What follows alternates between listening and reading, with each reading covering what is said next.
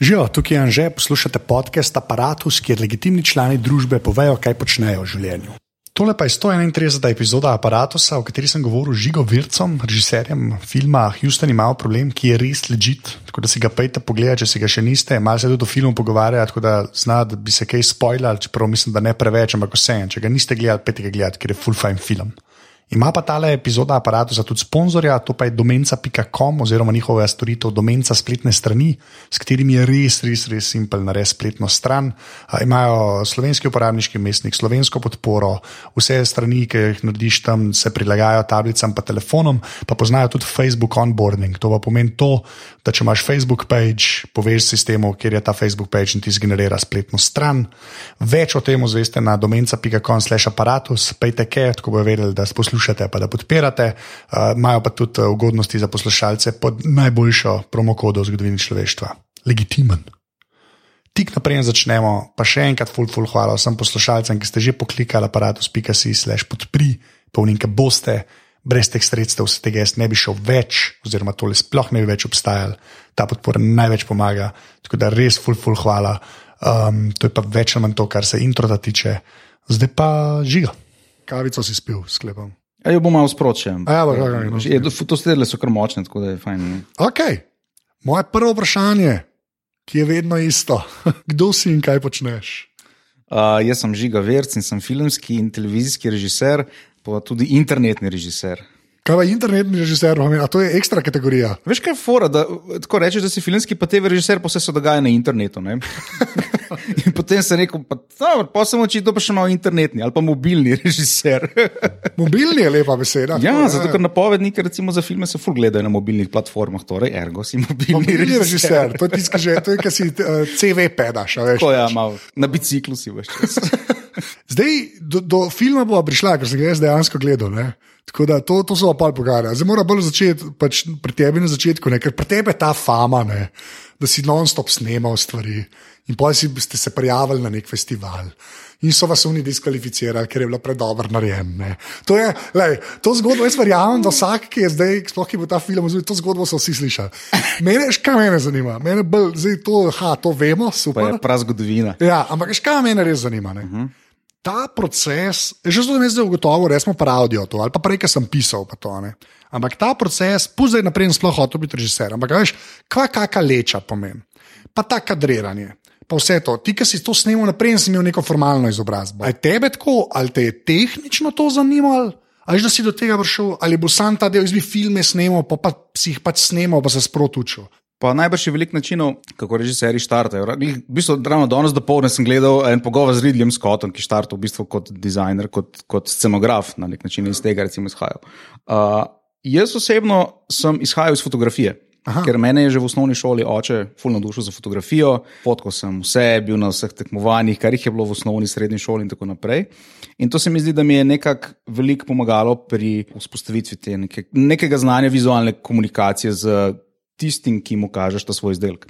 In v, nekje v srednji šoli so prišle pa te mini DV kamerce, pa so šolci, pa demo se jim malo zezati. Mislim, se, se, nismo se absolutno nič razlikovali od današnjih, pač ko zam, sem danes zameš iPhone, takrat si pač mini DV kamero, ampak ja. edina razlika.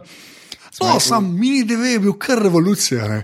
ker je bilo prvič nekaj, kar si res lahko sabo nesel, ja. pa da je ok snimal. Da je približno normalna slika. Bila, ja. Ja, tako, ja, da si ja. rekel, ja. to pa lahko mu tudi pokažem. Ja, in, je bilo to, in, in to je bilo carsko, veš, to je bilo ja. res carsko. Jaz sem takrat uh, dobil eno, eno mašino, smo doma kupili, ne, kao za šolo, kao, zdaj smo pa ful učili, ker imamo hud računalnik doma. In, uh, smo, uh, takrat so šolci, moj prvi film je bil Rekven za Burek. Gledali smo film Requiem za sanje in smo rekli, pa valjda to ni tako težko. Ja, to je Arnovski, pa ne Juriš več. Ok, lepa, ja, ok. Pošeš mi, da je burek že spet opleten. No, to je, ja, ja, valjda, ja. Ampak pokaj rečeš, da smo nekaj snemali. Ne? Uh mhm. -huh. Pa kaj, na DVJ si pol stvari že takrat na računalnik spravil, pa je bila že takoj ta digitalna montaža. Ja, ja, ja, premjer je bil tako. Aha, premijer je pa. To je že kar ena konkretna verzija premjerja. Jaz sem to nekako prek DV kablov, skrb po konektu, prvič v live sem to delal, slika se je pokazala na ekranu, za neko ok. ja, ja. Ampak kaj je fora? Fora je v tem, da da že tisti prvi izdelki, še ko jih danes gledam, v bistvu niso bili tako slabi, glih zaradi tega nekega predznanja vizualne komunikacije s fotografijo. S fotkanjem. Ni, jaz nisem izhajal zares iz tehnike. Tehnika ti je v bistvu samo neko orodje, kot je hiparijo orodje, ne vem, leto pa kladivo ali pa kako koli že. Ne, uh, je v bistvu osnovno, osnovno moje orodje bil storytelling, se pravi pripoved zgodb in pa kako ta zgodba vpliva na gledalca. To sta dva glavna faktorja, ki sta najbolj univerzalna. Mislim, tako so v bistvu vse zgodbe vedno funkcionirale skozi prav zgodovino, ko so se ljudje pripovedovali zgodbe ob ne vem, nekem ognju, medtem ko so jedli ne vem kakšno žival. Ja. je bilo vedno važno, kako zaši dobro zgodbo povedati, da pritegneš svoje občinstvo. A, to, a ta slikanje, pa to, to te še zdaj drži, mislim, ima še tako fotkiča. Ali je to zdaj tako? Mislim, ne, res, to, me, ne, ješka, to, to je meni zanimivo. Pač, po, po eni poti itek moraš priti do tega. Ne? Ampak se mi zdi, jaz sem full respekt, zmeren do videa, uh -huh. ker je video pač, je res, toliko enih stvari gre lahko na robe. Skoraj pa nobeni drugi stvari ne more iti tako na robe. Pri tem avdiu tu meni lahko sam pač res crkne, pa se nauč. Ja, ja, se mi da pogovarjava, pa recimo ne snema, zdaj pa ja. čez eno uro ugotoviva, da ni nič. Točno to, ampak čez eno uro vse vedela. Ja, ja. Pri videu to pa ni tako. Ne, in zato je ta, ker slikanje je po končni fazi. Lažji v tem oziru. Uh -huh. Ampak, pol, ki si rekel, ta storytelling, pa to, a pol mi, a ti, ti, ti je dejansko fotkanje tok dal, da se je pol to, veš, da to lahko prevedel, pol, ki si pa začel snemati. Tudi tukaj je bila DV kamera, so vse. Ja, uh, definitivno. Sicer najbrž je tukaj neka, nek skupek nekih vplivov, ki jih imaš na sebe, po mojem, tudi težko če zares analizirati. Ampak dejstvo je, da uh, pri, pri fotografiji se ti isto vprašaš, kaj bi se sporočil s fotografijo, kje razgodbo ti poveš to fotografijo. Uh, razlika je v tem, da je pač to seveda drug medij, ima neke druge zakonitosti, bla bla, je pač freeze frame na nek način, ne? pač je primeru. Kar je v bistvu ful dobro. Veš zakaj? Zaradi tega, ker moraš za minimalno sredstvi povedati čim več. Ne? Ker si v bistvu fulgojen, ker je pač ja. ena slika, pa primerja, nimaš ti časa zdaj še malo voice-overja narediti, da boš razložil ljudem, kaj je na tej sliki. Pač tega ni, mora biti vidno. Ne? Ker film je pa itek vizualna pripoved, mislim, audiovizualna pripoved, seveda, ne? ampak uh, bolj hočem reči zaradi tega, da važno je, kaj uh, ljudje delajo um, na, na, na, na, na filmu, ne pa kaj recimo govorijo. Ja. Zato je fotografija v bistvu meni bila zelo tako močen, močno odskočna deska. Ker do te naši prvi filmi, še zdaj, ki jih pogledam, so v bistvu še kar kul posneti. Tako nekak štima, uh, ne vem, zlati rezi, niso porezane glave, bla bla, tako, ful smo, ja. ful smo bili kreativni, glede tega, ker so mini devejke. Bile uh, blazno priročne, tako kot pač danes telefon, nekako podobna priročnost. Dejstvo pa je, da se jaz nikoli nisem zares najprej vrgel v teorijo, pa potem šel delati filme, ampak smo se pač mi sem vrgel, pa se nam je zdelo, Pa se, kaj pa vem, če malo s kamero skačemo okoli, pa bo malo še neki slika, si mogoče to ne tako slabo. Ne? Mislim, veš, jih to je dobro, ko bi se sploh ne razmišljal, kaj, kaj bi, kako bi pa zdaj to moralo izgledati. Ker se mi ja. zdi, da ful um, mladih avtorjev uh, uh, se blazno študiozno stvari lotijo, kar je seveda fajn, ampak se ful hitro zgodi, da potem probaš, probaš v bistvu nek stil ali pa nek, nek filmski jezik oponašati. Ne, bolj, bolj kot pa da takrat iščeš svoj jezik. No. Ja. To smo mi delali in smo posneli stvari, ki so bile res še kar. Ja, Lude. Enega na sankah se spomnim. To je pa tine strela. Ja, to tine mislim, strela. da je prva stvar, tvoja, ki sem jo videl. Ja. ja, in bili smo tudi v mladini takrat. Ja. Mislim, da je bil celo trostranski članek, kot tine to streli. se prav spomnim. Pa ja, sem, veš, to je, ampak, ampak mene, veš, mene ta, ta, pa to, kar si rekel, da v kamere, pa nočem se preveč na tehniko obešati, ampak, hmm. ne, ta del mene v bistvu ful, mislim, mene to bolj fascinira, ker je pač ta tehnologija, že z nonstom govorim, malo o tej demokratizaciji tega, kar se je zdaj zgodilo. Pa zdaj, ki rečeš telefoni, ok, až, pa zdaj sem se parkrat tudi že z režiserji pogovarjal, pa zmerno nekako te kanone omenimo, nekaj dejansko lahko neki posnamajo, kar res ležit zgleda. Až, tako, imam, uh -huh. meni, meni je v bistvu dosta fascinantno, da obstajate zdaj že tako neka, neka generacija folka, ki je v bistvu s tem že čist gor zrasla. Až, ker bilo, ker prej se ni dal nič posnet, nič, nič normalnega, se, veš, do DV-ja, realno gledano. Da bi en doma neki se igral, pa bi nekaj posnel, ki bi lahko en drug gledal, pa rekel, oh, to pa ni kar neki. Mhm. -huh. Je bilo res nemogoče. Ne? Ja, jaz mislim, da kot, štartne, kot štartna pozicija so vse te fotoaparati, DSLR-ji in vse, kar je danes, kot si rekel, demokratizacija tehnologije, ki je na voljo, uh, je definitivno super za štart, za odskočno desko. Res pa je, da sem tudi na drugi strani videl ogromno ljudi, ki, ki so vzeli DSLR za svoj, ampak so bolj fascinirani nad tehniko, kot pa pripovedjo zgodbe. Ja, zgodba. Ja. In to je še vedno osnova, in to je nekaj, kar imamo ljudje v sebi, pa se pravi, že tisočletja. In zdaj, seveda, če bo čas taborni ogen, danes DSLR, ok. Ja, že lekšte. Drugo sredstvo, ampak da se ima idija. No, vse to, ampak veš, mislim, je pa res, da pola veš, da je eno.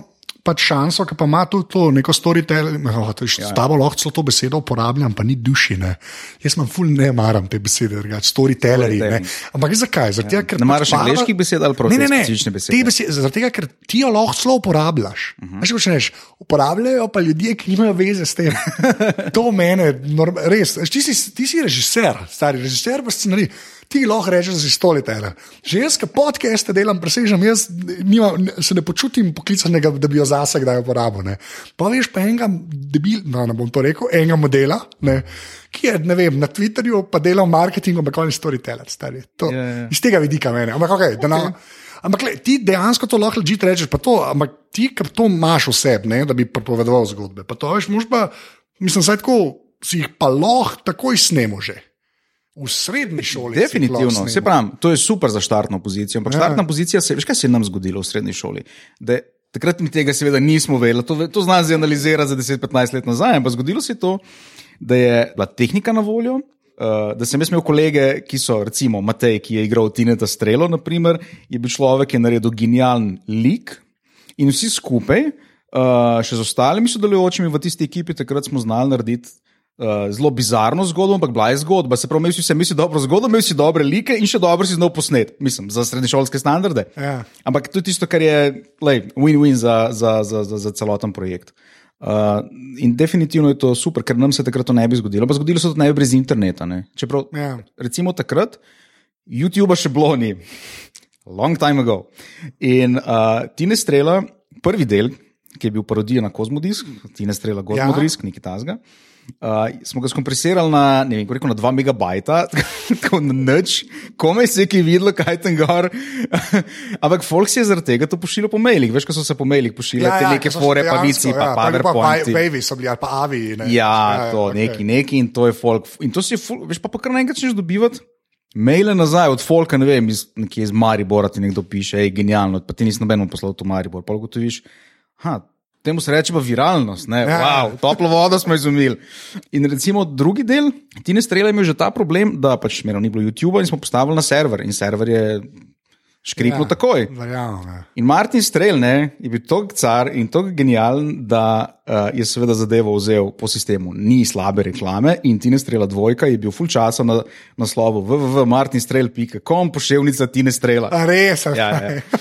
Tako da, okay, no, o tehnologiji. Oh, wow, okay. Ne, sem dober, takrat je video, a veš, folk, mislim, da tako, je- se hitro pozabi, zdaj YouTube zgleda, da je odvedno bil klene, ampak Ja, ja, res ni. ni, bil. Ne, ja. Včasih je obstajal cel internet, ki je celo bil video, gor, ampak si ga zelo malo videl. Ne. Ja, So bili pač preveliki real, real player. Real player, tako, ali pa pol quick time, odvisno na kateri mašini so bili ljudje. ne. Ja, ja, tako. ja, ja, točno to je. Ampak, lepo mi pa, veš, kaj mi še povej. Pa ta, zdaj, pa zdaj, ki si že pa naredil, pač filme, filme, ne stredne, to sam hočem to ločati. Mm -hmm. A imaš, to sem vse skoraj, mislim, da vprašal, ker so bili klepa, so režiserje. A, ma, a, a, si, a že vnaprej veš, da bo ene stvari približno funkcionirale? Sam ta del me zanima. Veš, ko tudi, ali ka pišeš kaj, pa polk gre snemati. A imaš zdaj že toliko zid sledra, ali pa, ali pa gre reči, kar izkušen, kako koli hočeš to pomenovati. Da si ene stvari zamisliš, pa veš, da tole bomo pa speljali. Zdaj, a bo to dobro, ker v tvoji glavi tako nikoli, a veš, relativno nikoli. Ampak tako, a imaš že toliko tega, da ti grejo stvari tok, ne tako narobe, ali pa da pol pogledaš, da oh, gademet. Da je tega čim manj. No. A, Tako je, če je zadeva dobro zastavljena, pa dobro napisana, ima- imaš 90% šans, da je to dejansko dobra stvar. Jaz običajno gledam kontra, da je lahko še boljša, zaradi tega, ker če imaš ti dobro ekipo, če imaš ti dobrega, ne vem, kostumografa, scenografa, igralce, uh, dobrega DOP-ja, to je res ekipno delo in ta ekipa je tista, ki ti doda vse svoje znanje na tisto, kar si ti napisal. Ne?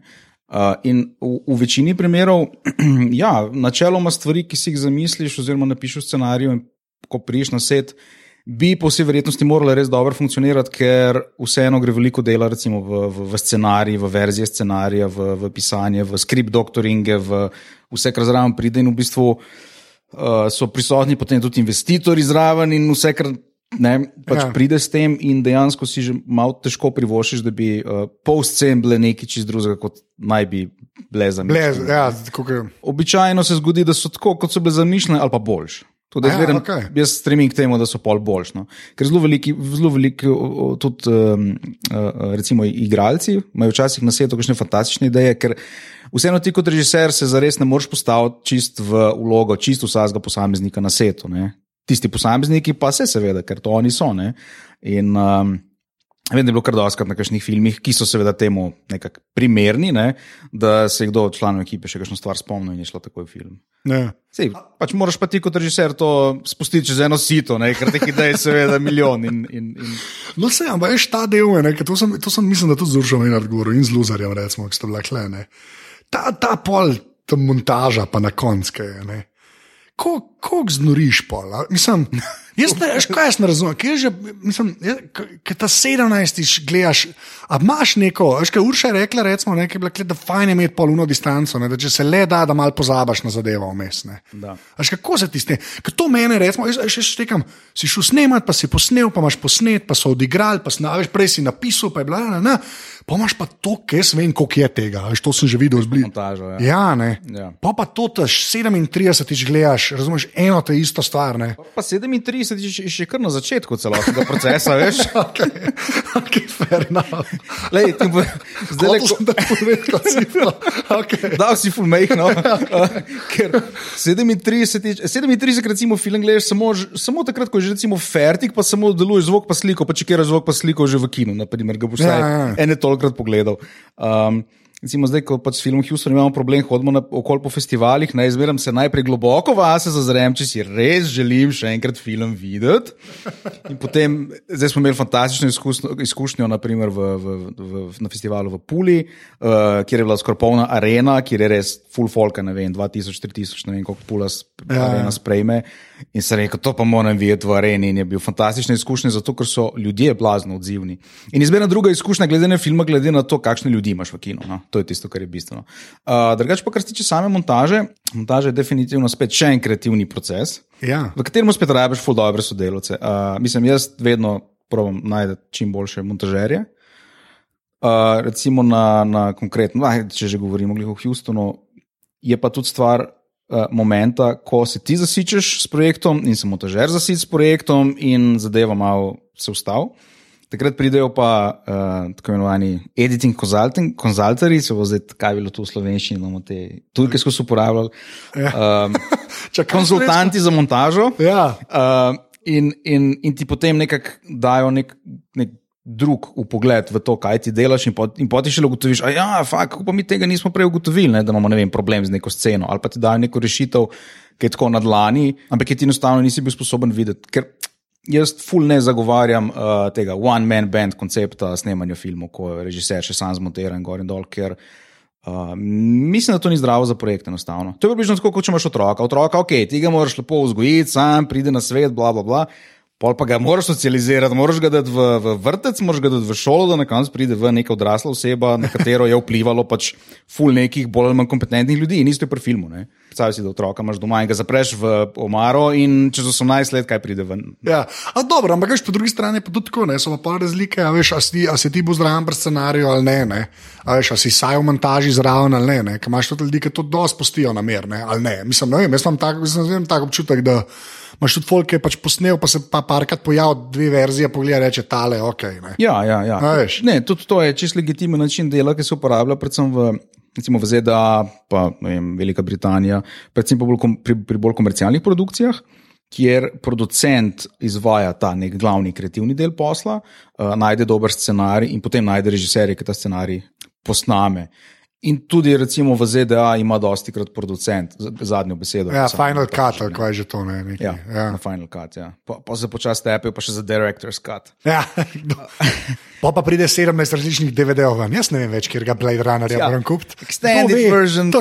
version, short version. Ne, pa pa zmerno piše, Ridley Scott pravi, da je ta pa tista ta prava. Ja, huke, mislim, ja, ok, whatever. Sorry. gledati pa eno uro daljše, pa nisi več zihar, če je bilo to najbolj pametno.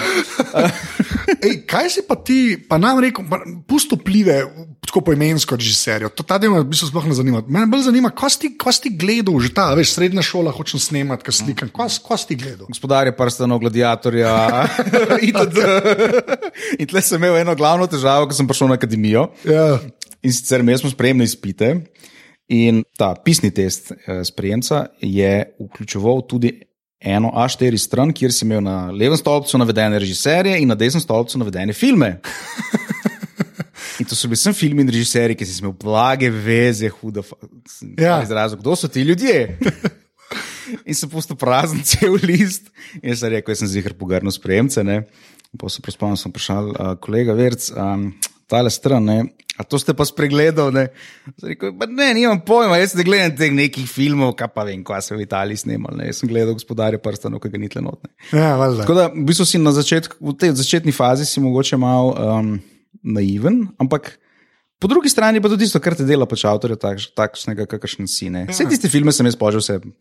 Pogledal, analiziral, preštudiral, gor dol, ker to moraš, da pač nisi nek idiot. Ne? Ja. Ampak, ampak dejstvo je, da mislim, da noben v tej, v kakršni koli avtorski, avtorski industriji ne sme ne biti tisto, kar pač dejansko je. Mislim, če te pač privlačijo taki in taki filmi, pač gledaš. Pač to, da je, ja, točno to. ja. No, ampak recimo, kaj- Mitja Kornful uspešen na polskem. Ja, ja, pa dela une, pač uh, te romantične. Jaz sem samo ta prvo videl, te druge še nisem videl. Ampak ti so ležit filmi, pač ti se tako. Za, mislim, um, Amerika, totalna Amerika. ja, Hollywood, valjda. ja, ja, Valjda. ja. Kar ni nič slabega, če je dobro narejen. Ker, ker američani kaj prav naredijo, je super. Mm. Veš, to, sej, to, jaz tega. Veš, tudi ta predsodek za slovenski film, ne sem se ga že zdavnaj iznebil, ker imaš tudi pri nas dejansko, ti si eno od njih, ampak ok.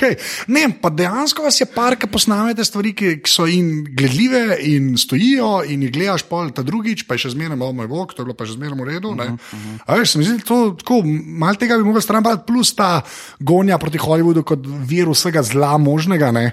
A veš, ker nekateri mislijo, da je nič dobrega naredijo. Sej, vsi vemo, kaj se tam ne gleda, pa kaj se gleda. Ja, Ja, ja. Ampak, ja. veš, pa kaj prav naredijo, je pa super. Ne? Veš kaj? Jaz, jaz recimo nikoli nisem zares obremenil s tem, kaj naj bi bil slovenski film, kaj naj bi bil evropski film, kaj naj bi bil vzhodnoevropski, kaj naj je ameriški film. Bla, bla. Vsi so, ne tako, ful- mislim, ne vsi, da ne generaliziramo, ampak zelo veliko krat se zgodi, da se nekako probajo popredalčkati ljudje. Kao, zdaj pa smo mi slovenci in ti moraš delati slovenski film. Mislim, kje je ta logika?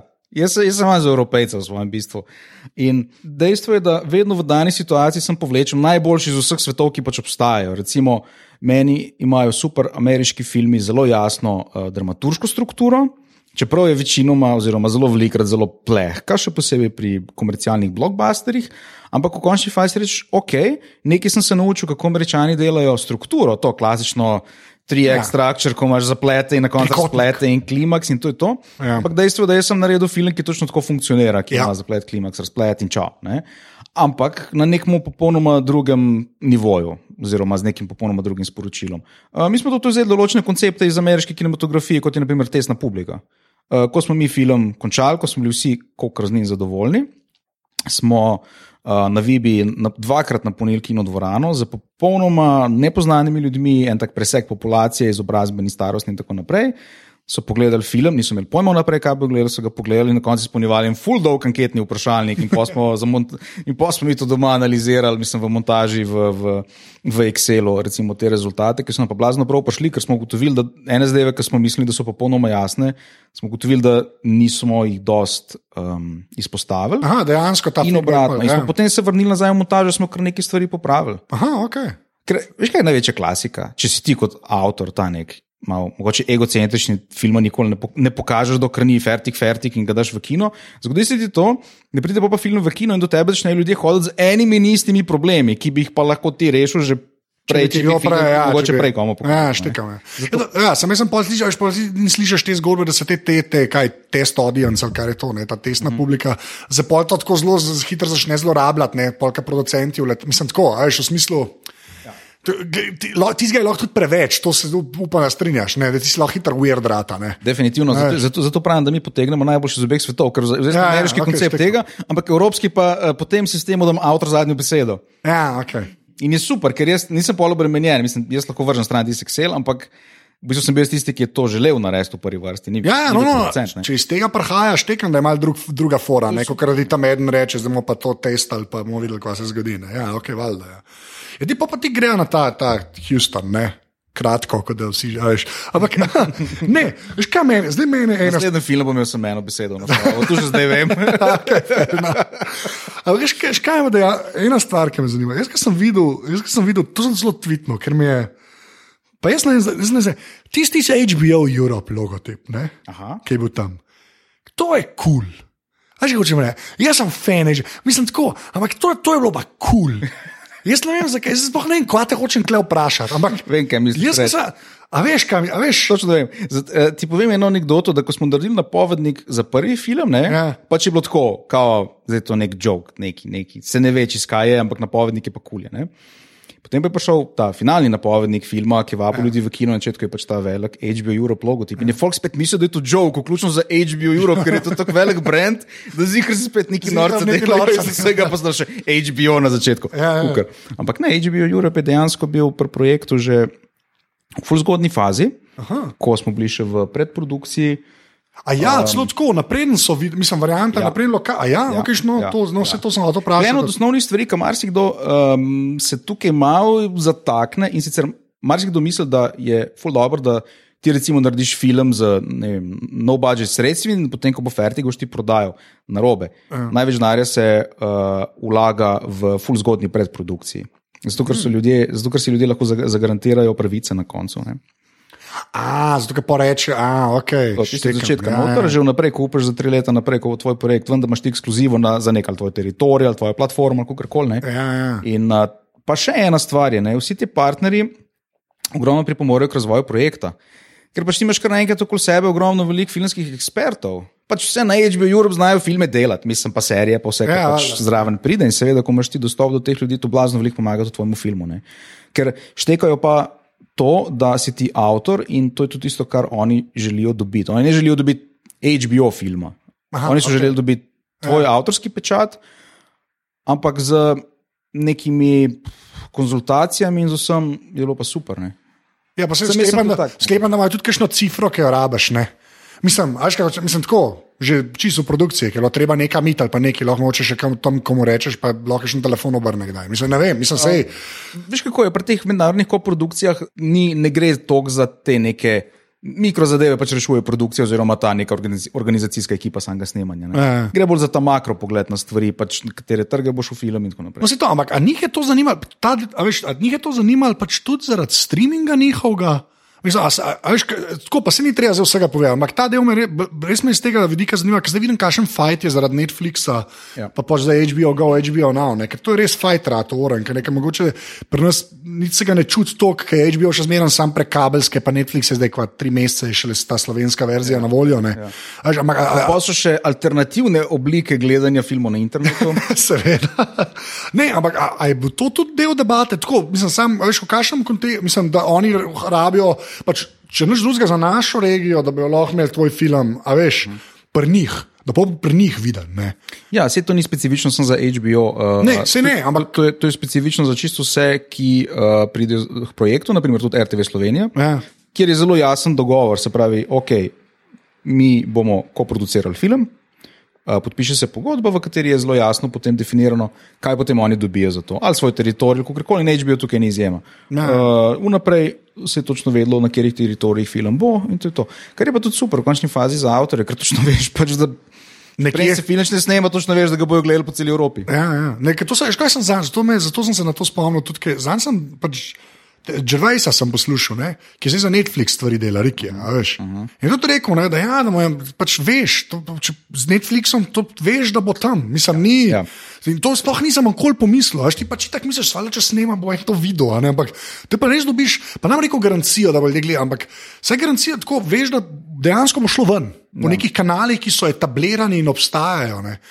Kar, ja, veš, to pa sploh ne bi, to tudi blows my mind, po svoje, ker ti, veš, kot gledalec, sam veš, končni izdelek. Gledal sem to. Ja, sem ga videl. Ja. Pač Ampak, ja. kaj, treba je vseeno vedeti, da v današnjem svetu, mislim, da je tudi prej bilo tako, ampak recimo še v bivši Jugoslaviji se je to mogoče malo bolj zapakiralo v ta nek avtorski moment, ko je pač avtor bil alfa in omega in potem film se je kar videl, kar, kar bil je v kinu, kar samo sebe se je pojavil v kinu, mislim, da je ta neka fora. Ja.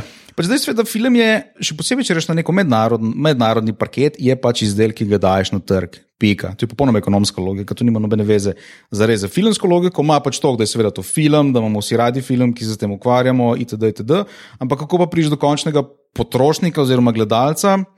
Ja. Je pa k orbit, pa ta drugi čigumi na, na, na policiji. To, ja. to. Je pa vse od oglaševanja do vnaprej pripravljenih uh, platform, kjer se bo to film nagledal oziroma prodajal. Čeprav, čeprav me kdo kdaj krega, ne? zdaj si se pa prodal, zdaj si se pa prodal. Ampak Vem, sem, ne vem, ti si film, jaz to, jaz to, me, to mest ne razumem tega očitka. Jaz to sploh ne. Jaz, jaz štekam, če bi že ti tako prodal, da bi posnel film, pa bi bilo pa noter 27 product placement. Ja, ja, ja. To se strinja. Na ta način jaz to razumem, ampak ja. da, pa, da se pa ti prodaš zato, ker bo tvoj film dejansko ljudje gledali po nekih etabliranih kanalih, to pa jaz ne razumem, po kateri logiki ja. se je kdorkoli prodal. Še posebej, ker je dejstvo, da je film narejen točno tako kot sem si ga želel, da bi bil narejen. Sej, sej to... ni, ni ono, da sem jaz neko idejo dal, ki sem jo prodal nekomu in oni so povedali, da hoče imeti tako, tako narejeno, ja, pa se mi tle nismo ja. Kaj iz tebe prišlo ven? Ne, to. to je ključna razlika, realno gledano. Dejansko je boljši film zaradi tega. Ja, se to je. No, ampak gledaj, to gremo svino malo. Pač, okay. Je, je ti to kopalka, hokers. V glavnem, tiskar, tisk, meni je super Everybody ta film. To, ja, ampak, ampak to zato vsi, jaz sem še sploh, ker research delam, gledam, kaj se te ljudje sprašujejo. Da ti to kopalka presežeš, to če zdaj googlaš, tebe najdeš praktično. ampak, Le, ampak, kaj, kaj me zanima? Meni je pač ful všeč ta film. Uh mhm. -huh. Ja, res sem si za nalož, ko jaz sem ga šel gledati, nisem hodil noč, jaz sem videl trailerje, pa nisem več bral. Okay. Za nalož. Okay. Ker sem rekel, kva. Uh mhm. -huh. In zdaj. Mislim, kako sploh, sam ta zgodba, ta, mi smo prodali, mi, jaz bom rekel, mi, hokers, mi smo prodali američanom vesoljski program, že živ, nisem bil takrat hokers. Uh, uh, mi smo prodali američanom vesoljski program, ki je bil več ali manj na teg. Yeah. Um, ta del, to sem jaz že nekaj slišal, da je Jugoslavija, pošilj, mislim, tako slišal, v smislu, da smo mi neki imeli, pa tista baza vrhunska na Hrvaškem, ki se je noro. Mm -hmm. Škaj me zanima? Ta fake smrt. Zdaj spojlava, ljudje, če niste gledali, ne, nekaj, da bo slušala pedofile, ker je zepski. Ampak ta, ta življenje, ta, ki sem videl, ta AB struktura, tako jaz to vidim, no, ampak ta ženska v Beogradu, ja. ja, ja, ja, ja. me ta B bolj zanima, jaz sklepam, da je to B. Kako to zveš? ta inženir, ki je polo v Ameriki, pride nazaj, prvič vidi ščerko. Uh, kako zveš, uh, kako, je, kako, kako, kje ste njega naj? Jaz to ne razumem. Njega, jaz razumem, da ti meni tako zgleda, pa me popravi, to te hočemo v bistvu praviti. Meni tako zgleda, meni, mi smo prodali američanom vesoljski program na teg, da so nam denar, pa smo se mogli pa iz tega izvaditi. To se meni sliši, da je dost za film. Veš, kaj hočem reči? ja, to je ja, dost. Ja, ja, ja. To, je, to, to bi lahko fikcijo naredil, to je čist dost. Kje se ta, ta človek zgodi? Pol? Ah, veš kaj, to je zelo preprost moment, kjer se lahko ja. spet vrnemo k tisočletni pripovedovanju zgodb v tabornem ognju. Dejstvo je, da center, uh, center vsake zgodbe so vedno ljudje, ja. ljudje, s katerimi se mi lahko identificiramo. To je najbolj klasika. In dejstvo je, da vsi ti zgodovinska dejstva. Dejstva, miti, teorije zarote, vse, kar je v tem loncu, ki se imenuje Houston, imamo problem. so sicer fully zanimive stvari, ki so tako ki se dobro slišijo. Ne? Če ti rečem, Jugoslavija je prodala vesoljski program, super. Ampak to ni dovolj za filmsko zgodbo, ni dovolj za filmsko zgodbo, v kateri bi ljudje pa res se zamislili. Pač Prejšnjič mi je bilo blazno simpatično, ko, ko smo imeli gledalce v, v, v Pulju in so prihajali objokani na koncu. ja. Ampak. To je pa zaradi tega človeškega momenta, s katerim se ti lahko identificiraš. Ti se zares ne moreš identificirati z vem, Nixonom. Ja. Razen če bi res delal mogoče nek blazno, blazno autobiografski film, kot je bil tale Die Der Das Untergang, ki je bil v Hitlerju, kjer so naredili iz njega neke vrste glavni lik. S katerim se na nek bizaren način ti identificiraš. Kar je krvir, ja. Je ful čudno, ampak je bilo gromno, takrat je bilo ogromno debate v Nemčiji, ali to sploh prav ali ne, da ti kar naenkrat imaš pa neke feelinge zdaj do Hitlerja. Ne? Da je človek. Da je človek, ja. ja. Ker tako so ga naredili. In mi tega seveda nismo mogli, ker Tito, Nixon, Kennedy, vsi obstajajo samo v arhivskih uh, posnetkih. Probali smo biti zelo resnični z arhivskimi posnetki, vse, kjer je Tito, kjer je Nixon, kjer so vsi te uh, liki, so pač oni. Ampak tle je pomembna pa ravno ta faza tudi pred, predprodukcije, ker v predprodukciji smo mi naredili kar nekaj teh testnih variant, ali smo nek napovednik, ki je bil nekih 5 do 10 minut dolg. Uh mhm. -huh. Pa smo sprobali variante, kako bi zadeva izgledala, če bi delali film samo iz teh zgodovinskih dejstev, arhivskih posnetkov. Na koncu gotoviš, da to rata blazno dolgočasna stvar, uh -huh, ker je okay. pač uro pa pol nekaj črno-belih arhivov ti gledaš, to res ni kul cool za gledati, tok časa. Se na YouTubu napovednik 4 minute je deloval, super, ne, Ja, ampak ja. ne pa uro pa pol. to, ampak to se pol sliši tako, tako pa, poprav, ampak to se sliši, ja, 40 minuten mini doko bi bil, recimo. Ja. Tisti bi še nekako funkcioniral, Ja. ja. pa pol urice, Ja. recimo, ne, na tisti bi še nekako lahko šel. Ne. Ja, za film, ok, ampak To ni nekaj, kar se ljudje zraven smejijo, so žalostni, čutijo druga stvar je, se strinjam, ampak ko- je pa dost mesa tam, ne, da ti pol filma da, ne, mislim. Ja. Ampak ok, ja, dej, č- Veš kaj, to je neke vrste Ja. ja. hrbtenica. Recimo, da je ta zgodovinski, zgodovinski uh, dokumentarno-fiktivni del je totalna hrbtenica zgodbe, potem pa rabiš še meso in te človeške zgodbe so pa točno to. Ne? To je pa tisto, kar je pa.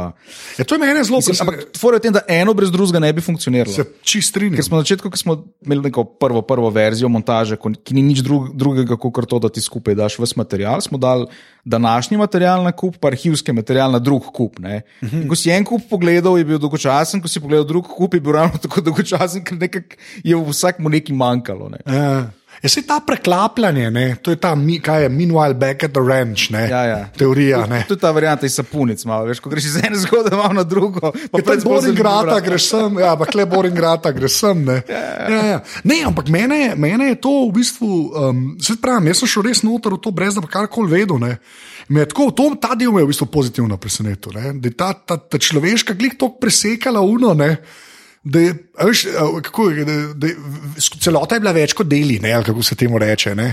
Veš, ta, ampak ta, Prej sem te vprašal, kaj ti splaniraš, ne, pa kaj prvem bližnjem veš, da bo stvari rade. Dobro, klej bo to komentarc, pa še zmeraj, ampak a, pa, a, a si imel nek feeling, kako to prepleta, da bo, a veš, tako že prej v glavi, ali to pa res, ko vse posnamaš, nekako rečeš, ok, klej bomo šli zdaj sem, pa gremo nazaj na una, Ja, dva, to, veš. to je bilo dosti jasno v scenariju, vse, Aha, je bilo. vse, vse opredeljeno, kako pa kaj. Res pa je, da ker sem želel imeti ta zelo dokumentarni izgled, um, smo ogromno scen uh, ven vrgli iz filma. Mislim, da je bilo posnetih recimo ravno z glavnim likom, tem inženirjem Pavičem, pa njegovo hčerko, bi rekel, da je bilo dvakrat toliko scen posneto, vsega skupaj. okay. Uh, ravno zaradi tega, ker nismo točno vedeli, kaj bomo dobili iz katere scene ven. Uh, in se mi zdi, da tudi, tudi, tudi recimo intervjuji, naprimer, intervjujev je ogromno. Mi smo, mi smo snemali po dva dni v studiu te intervjuje, da na koncu uporabiš mogoče vem, šest minut Ja, valjda. uh, v filmu. Ne? In to daje ta nek dokumentarni feeling, ko ti, ko gledaš film, nimaš feelinga, da je zdaj človek začel govoriti. Takrat, ko si ti naredil res, pa neho govoriti, takrat, ko si ti naredil res, imaš res, res feeling, da že eno uro govorim, da si ti ven vzel tisto, kar bi drugače tu vzel v klačnem dokumentarcu. Res pa je še ena stvar pri teh osebnih zgodbah, da kot pri zgodovinski smo se ful sprašvali, kako bi se pa te zadeve zares zgodile, če bi se, ali kako so se dejansko dogajale in tako naprej. Tukaj nam je bil recimo veliko pomoč uh, tale general-major varnostno veščevalne službe, ki tudi v filmu nastopa. Uh -huh. On je skoraj moj sosed tam le v, v Ljubljani. In so nam blazno veliko pomagali, kako je dejansko takrat kontraobveščevalna služba take zadeve delala, reševala, oziroma kako bi jih reševala. In, ne. Ker je marsikdo rekel, da to je pa tako noro, da to pa zihar si niso mogli zmisliti. Naprimer, ne. uh, in dejansko večina stvari ni, ni na nek način čisto direktno. Zato, zato je težko čisto reči, kaj je, kaj je igrano, kaj je Ja, dokumentarno. kaj tako dokumentar- naprej. ja, valjda, ja. Ker so te zgodbe, oziroma zgodba tega glavnega inženirja na nek način tudi povzetek nekih realnih ljudi in nekih zgodb, ki pa so se dogajale. Ne? In tudi kar nekaj likov v filmu je popolnoma dokumentarnih in, in kar nekaj prizorov v filmu v bistvu so čist. Um, Se zgodili na svetu, Ja. Čist. Ja, Tako da mogoče tudi to podaja ta neki feeling avtentičnosti. Ja, mislim, zelo tako je. Kako... Mene je, to, v bistvu, to sem te hotel vprašati. Ta, veš, kaj, ne, izpa, ne spade pocen ta človeška zgodba. Veš, kar se mi zdi, da je po svoje zelo težko narediti, sploh ko to opneš v Jugoslavijo, ja. Pa vso to nostalgijo, ki pri nas obstaja. Ne. In v bistvu to sem te hotel vprašati. Kako si ti to snel, pa ti si tudi mlajši, a ne? A veš, ti, tebe tudi to, v bistvu, a veš, tudi ta scena, nas se to res ne tiče na eni točki. Vsi se nas, ne, valjda da se nas, mi smo res ta neka generacija, mislim, da kar je po 80 rojenega, ne. K- Mislim, Tako da nismo več del tega. Mislim, res, ja, Ja, ja, res si moraš lagati, da, da, da, da bi s pionirsko čepico okoli hodil in se neki, mislim, nit, veš, nit model živ že ni bil več, če nič drugega. Ne. A Veš, ko re, ne pravim, da si čisi izuzeti iz tega, ampak mene, je bilo, kar je mene najbolj pozitivno presenetilo, da je v bistvu zelo hladno ta film jemlje po eni strani Jugoslavijo. Uh -huh. Veš, ko se mi zdi, da moja generacija to posnela, kar je, ampak ta del mi je všeč, pa me zanima, ali se je to nekako zavestno Pa ne da se se čemu, da bi se izogibali, ker to, je, to ne znamo vprašati. Ampak tako, zelo tako je matter of fact, so stvari posnete, tudi tiskare iz arhivskega. Tako je bilo, tam je bilo, veš. Ampak meni se res iskren, meni to meni najbolj super pri tem filmu, ki je zelo tako, po svoje hladno jemlje to, kar se je dogajalo, uh -huh. kot da bi nekdo snimal, ki je po 80 letu rojen. Veš, kaj hočeš reči? Ja, da, da, da. Pa, a veš kaj, osnovna stvar. Mojega odnosa do te naše polpretekle zgodovine je ja. ta, da seveda nisem nikoli doživel, ne, kot večina naših pač, generacije, mojih, moj, so, mislim, kolegov, ki so tudi avtori na tem področju. In na, na nas je vplivala v bistvu neka druga faza, ta post-jugoslovanska, ki je bilo samo svojitev, ker sem pač vem, šel v, v, v osnovno šolo, kjer so ene. Ker si videl na stenah, so bile slike, pa jih ni več, še tako črn rop, ki ja. so premalali, pač ti se stene. Pa tako so bili neki skrivnostni. Ne? In te v bistvu začne fascinirati zadeva iz čez neke druge perspektive. Tebe kot otroka, kot, kot, kot neki igrači, ki ti niso hoteli dati, pa te začne fascinirati. Pa sem kupil nekje nek. Po mojem, se mi ne vem, prvi rad sem v šoli, ko sem si skupil kaseto Titovih govorov. Mislim, veš, kaj mi je zelo ta hit. Ja. To, to, to, to, to, je že tako hipsterska fora. Veš, nima, for, nima veze s politiko, nema veze z Titom kot neko zgodovinsko osebnostjo v pozitivnem ali pa negativnem smislu. Ja. Ampak je samo pač nekaj zanimivega, kar naenkrat rata. In dejstvo je, da ta odmik, ki ga narediš tako kot avtor do neke teme, se ti zdi, ti ful prenese to, da nisi zares tako emotivno obremenjen kaj zdaj prav, kako ne. Ker, mislim, teh filmov v Jugoslaviji obstaja ogromno, še posebej filmi, ki so bili narejeni po razpadu Jugoslavije, ja. po vseh teh vojnah, so zelo velikrat, glede na to, v kateri državi so pač delali, zelo emotivno, emotivni v svojem ja. pripovedi in zgodovinskih dejstvih. In jaz se z tega nisem hotel videti, jaz sem res hotel narediti. Dobro zgodbo, ki bo funkcionirala, in potem vse ostalo podredimo temu. Ne? In, in ne gremo Uh, ne gremo zdaj neki glorificirati, ne gremo, um, ne gremo ne vem, kritizirati, ker po drugi strani celotna zgodba tako zastavlja, da zgodba A lahko reče, da na nek način uh, je pozitivno nastrojena do režima, ampak po drugi strani na 45 minut filma ugotoviš, da je cel režim zafrknil vse, kar se je dalo na robe narediti. Na redu. Ja, ja. In končni fazi ta država na koncu razpada zaradi odločitev takratnega režima. Ne? In po drugi strani, ko imaš upleteno še to zgodbo Paviča in vseh teh, ki, bil, ki se jim je življenje uničilo zaradi odločitev režima, so na koncu rekli: pa mi smo naredili desničarski film. ne, znaš, meni ta del mi je, ta del mi je bil, pač to je bilo res meni. Sem popolnoma ful sem grunto o tem, no, ampak ta del mi je bil res všeč, ker ta, ta človeška zgodba, ne, noter, da res ta nek. Uh, tako žmohta, da veš, tako humanizira zadevo, ne, da ti so v bistvu vse stran pade, da ti si bolj kulisa, kot kaj drugega. In to, vem, to nisem še videl, no. iskreno, zaradi tega mi je bilo. Samo nek moment identifikacije smo ja, našli. Ja. Mi je pa noro, da se z jugo obada. Veš, poka pa malo nazaj stopiš, ne. Pa vesoljski program, kaj je to one-line pitch, je vrhunski. Točno to. Mi smo, mi smo, tako, mi smo, tako, mi, mi smo tako film začeli. Lej, celoten projekt se je začel ja. tako, da sem imel tri besede: jugoslovanski vesoljski ja, program. Ja, točno to, ker, in, in smo vsi ti neki elevator piči, to je le ja, ne vem, ja, te ja, teorije ja. so pale v vodo, ker čisto vsak te vpraša, kaj delaš, si rekel Jugoslav Space Program. Ja. In je poslušal, kaj boš naprej rekel od tega. ja, točno to. Ne, to sem pa jaz, to je tako, uh, ker malce sem jezen da je to, veš, ko malo si jezen, da, to, da je to a thing. Pa, veš, ne, pa da je rad, pa ne v dobrem smislu, veš, ko kar malo, oh, vesel. Točno to, tri besede so to star. Ja. Realno gledano so tri besede. Ja. In če imaš tri besede, pol, ne vem, pa se mi zdi, da se da kaj naresne. In ti si ne, zato se meni zdi to tako monumental achievement v končni fazi. Ker, je, ker, ker mislim, da te, jaz mislim, da res rabaš te tri besede ali pa en stavek. Ja. Sem, je pa, pa vse ena, ena stvar, ki moramo povedati, da pre, preprostost je najbolj komplicirana v svojem bistvu. Ja. To je ta klasika, ki velja tudi za vem, industrijski dizajn, naprimer, en izmed mnogih primerov. Pač to, da imaš ti zelo preprost, zelo jasen, zelo spoliran dizajn, je pač veliko bolj kompliciran, kot pa narediti kaos na, ja, mes, na, na monitorju. Ja. Recimo, In uh, to je tisto, kar.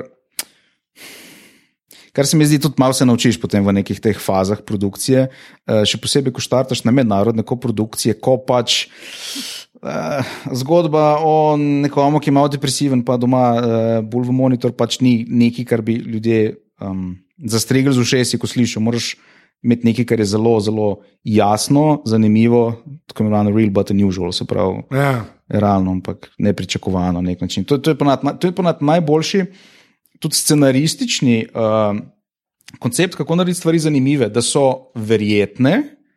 Ampak, če, če stvar sem verjetno, mogoče ni zanimiva, ampak neobičajne hkrati. Ne? Ja, to, je, to je najboljša kombinacija. Ker v slovanski vesoljski program je točno to, je totalno verjeten, pa totalno ima tisti, what, um, Ja. nepričakovan moment.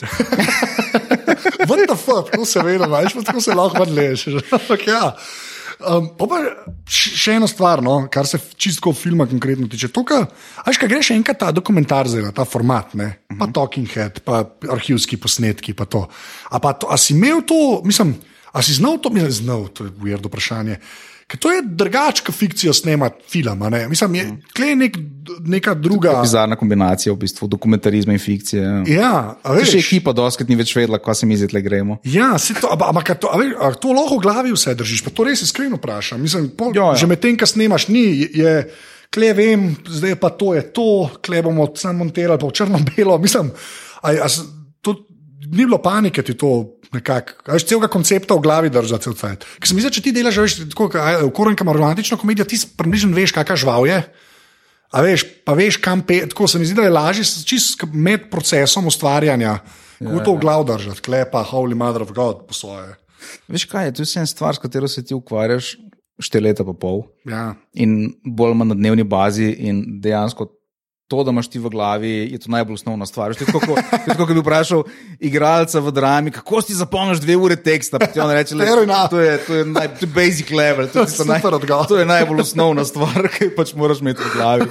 Pol prideš le vse ostalo. Okej. Res pa je, da pri Houstonu je bila ta specifika, da nisem hotel imeti tega klasičnega seta, kot recimo je pri igranem filmu, da, da, da smo bili zelo, zelo prosti in tleh je produkcija naredila odličen job, ker mislim, da smo imeli 47 snemalnih dni na treh kontinentih, od Oh, wow. Slovenija, Hrvaška, Srbija, Maroko, ZDA, od New Yorka, Washingtona, Dallasa, Houstona, in kar je bilo blazno velik zalogaj, ampak po drugi strani smo imeli pa zelo majhno ekipo in smo si lahko privoščili ogromno improvizacije, uh, kakšen ekstra dan za sistem. Pa dajmo probat, pa da vidimo, kaj se bo zgodilo. Aha, celo. Uh, kar nekaj tega smo imeli, ja, ker sem hotel dobiti veliko teh realističnih situacij, ven, ki so tako mogoče včasih malo čudno narejene ali pa čudno posnete, ampak je tudi tisto, kar daje zadevi ta nek uh, pečat. Tako da, ja, dejansko moraš imeti stvari v glavi. Je pa res, da ravno zaradi tega, ker smo snemali na zelo dokumentaren princip, imaš pa ti potem na koncu kreno goro materijala, ki ga pri igranem filmu običajno nimaš, ker že približno ve- mislim, veš, kje je Ja. kakšna stvar bila. Pri Houstonu smo približno vedeli, kam bo kera stvar šla. In smo potem hitro ugotovili, da imamo določenih stvari ful preveč. Recimo objekt 505 smo snemali tri dni in to je tako ratala, ne vem, skoraj pol urna scena. To bi lahko posebej uh, A res, dokumentarno dajo samo o objektu 505. To bi jaz gledal, ampak ok, sorry, povej. Mogoče bo na HBO deleted scenes. A, lepa, lepa, lepa. Um, uh, in po drugi strani smo ugotovili, da nam pa v nekih ključnih momentih filma pa manjka določenih stvari. In Smo potem tukaj nekaj stvari še dosnemavali, pa še kar nekaj se vračali nazaj v arhive. Mm -hmm. Ker pač imaš ta ping-pong, ne imaš današnjo zgodbo, imaš današnje lokacije, imaš. Pomaž pa še zgodovinsko zgodbo, ki moraš pa še znati pravilno skombinirati z posnetki, ne? ker te pač ne pomaga, če se je nekaj zgodilo, pa ne moreš tega pokazati. Ne? Pa pa, ker so to, evo, Če to. gre jugo, ne v ZDA, pač pokažeš jugo, tako ga pakirajo v ladjo za ZDA. Tež kaj me samo zanima, pri tem objektu, ne.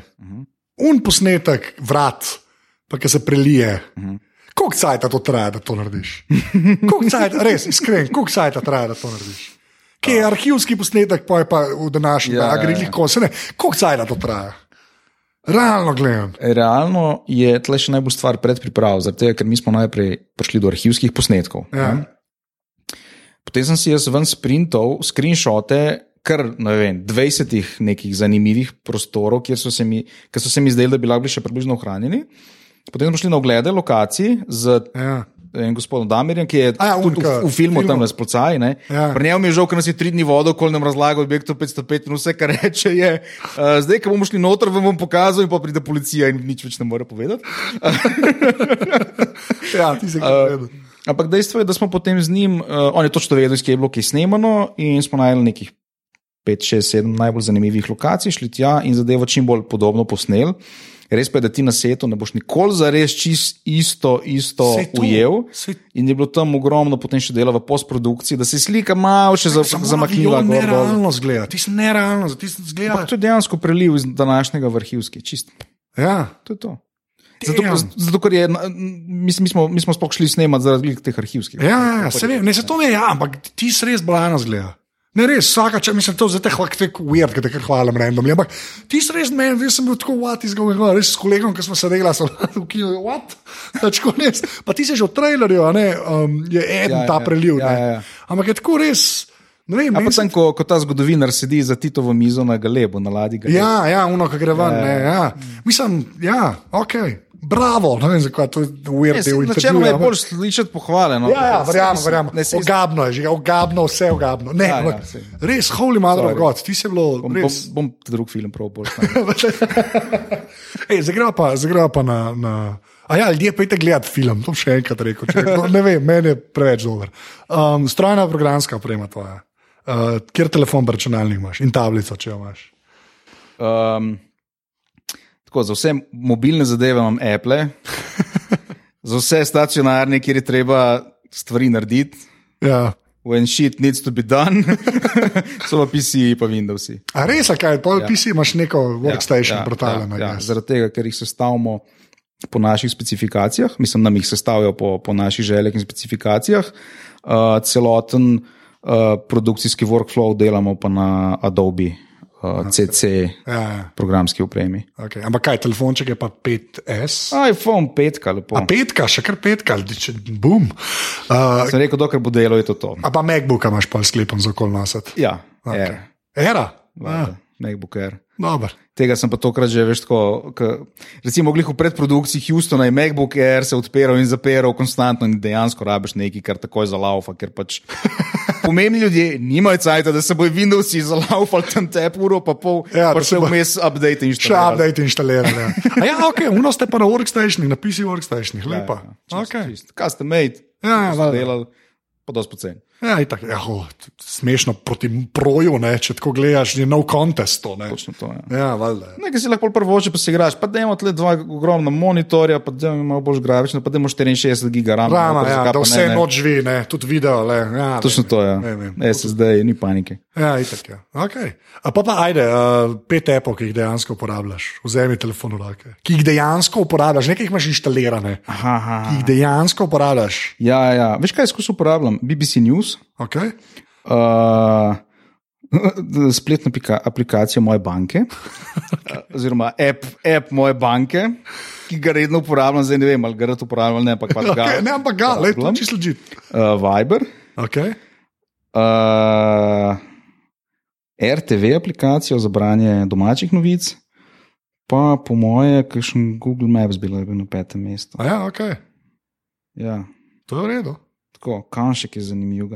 Veš, kaj pa pa ful teh nekih priložnosti, ki jih pač uporabljaš, glede na to, kje si. Mislim, Uber, na primer, ful uporabljaš, ko si pač tam, kjer Uber je. Ne? Ali pa, ne vem, berlinska ali pa newyorška podzemna, pač Ja, ja, v Ljubljani ne pride neki prav. Ne? Ja, te so hudi, sploh nekaj so offline, ne, tam, ker nimajo Wi-Fi-ja še od Ja, spodaj. ja, ja, točno to, točno to. Ja, tisti, kar prav pride. Ok, pa pa zadnje vprašanje, ki je vedno isto. Ena fizična stvar, en objekt, ki ni tvoja babi. Weird. Uh, ki misliš, da je bil narejen za te, um, oziroma loga še imaš, loga nimaš več. Kaj bi to bilo? To razmišljam že 45 minut, si mi povedal na začetku, da boš to vprašal. Pa... Ne, Pri nas je vse malo bolj metafizika in so vsi ti objekti bolj. Uh, bolj taki, take narave. Um, ampak jaz, jaz mislim, da če se vrnemo malo nazaj, da je bilo to najbrž kar, um, kar fotkič. Fotkič. Fotkič. Ampak fotkič, tu govorimo o fotkiču, ki nima niti uh, svetlomera, ki je pač imel cajt, pa blendo, pa filmski trak noter in to je bilo to. To, da, dve nastavitve lahko obrnil, pa pa, pa, pa skljocu več. Pa še šarf si imel. Ja, lepo sej. Pa to je šmer meni ni isto, veš, to je. Vse ni iPhone isto funkcionira, samo malo so skrili te funkcije. Sam, ja, točno to je. Ja, po računalnik imaš že zate dela, ne, ampak ja. Uh, že, najlepša hvala. Hvala tebi. Glikar si bil v aparatu, um, re, reči adijo. Adijo, aparatus. To je bila 131. epizoda aparata. Uh, Meni lahko težite na Twitterju, pa zdaj sem tudi na Snapchatu, posod sem Anzet, tako da mi tam težite. Uh, sicer pa pejte pogledat, uh, Houston imamo problem, no? ker je res, res, res fajn film. Ker tako, kot sem že tu pa rekel, ki je šel, sem rekel, star film si posnel, tako v najboljšem pomenu te besede. Um, sicer pa kot vedno, full hvala sem, ki podpirate aparatus. Uh, hvala vsem, ki ste dali oceno v iTunesih. Mislim, da jih imam 199, tako da še malo pa bo šlo čez 200. Sicer je pa tole zdaj le zadnji aparatus pred počitnicami, tako kot vsak let, zdaj uh, avgusta bom frej, uh, potem pa septembra že spet nazaj pridem. Uh, bo pa na aparatus.si bom dal kar na prvo stran, bojo podatki za podrobnosti uh, v živo, ki bomo imeli že spet v Gajotu. Uh, tako da pejte pogledat uh, na prvo stran, bo slejko prej bo uh, in Facebook event in pa vsi podatki, tako da boste lahko nas prišli v živo pogledati, ko se jaz, pižama, uh, boki in pa še en gost, oziroma to, kar bo gostja, pogovarjamo o bizarkah iz interneta. Tako da to je to, da res sicer se pa slišimo po počitnicah. Hvala, ker ste poslušali. Ciao!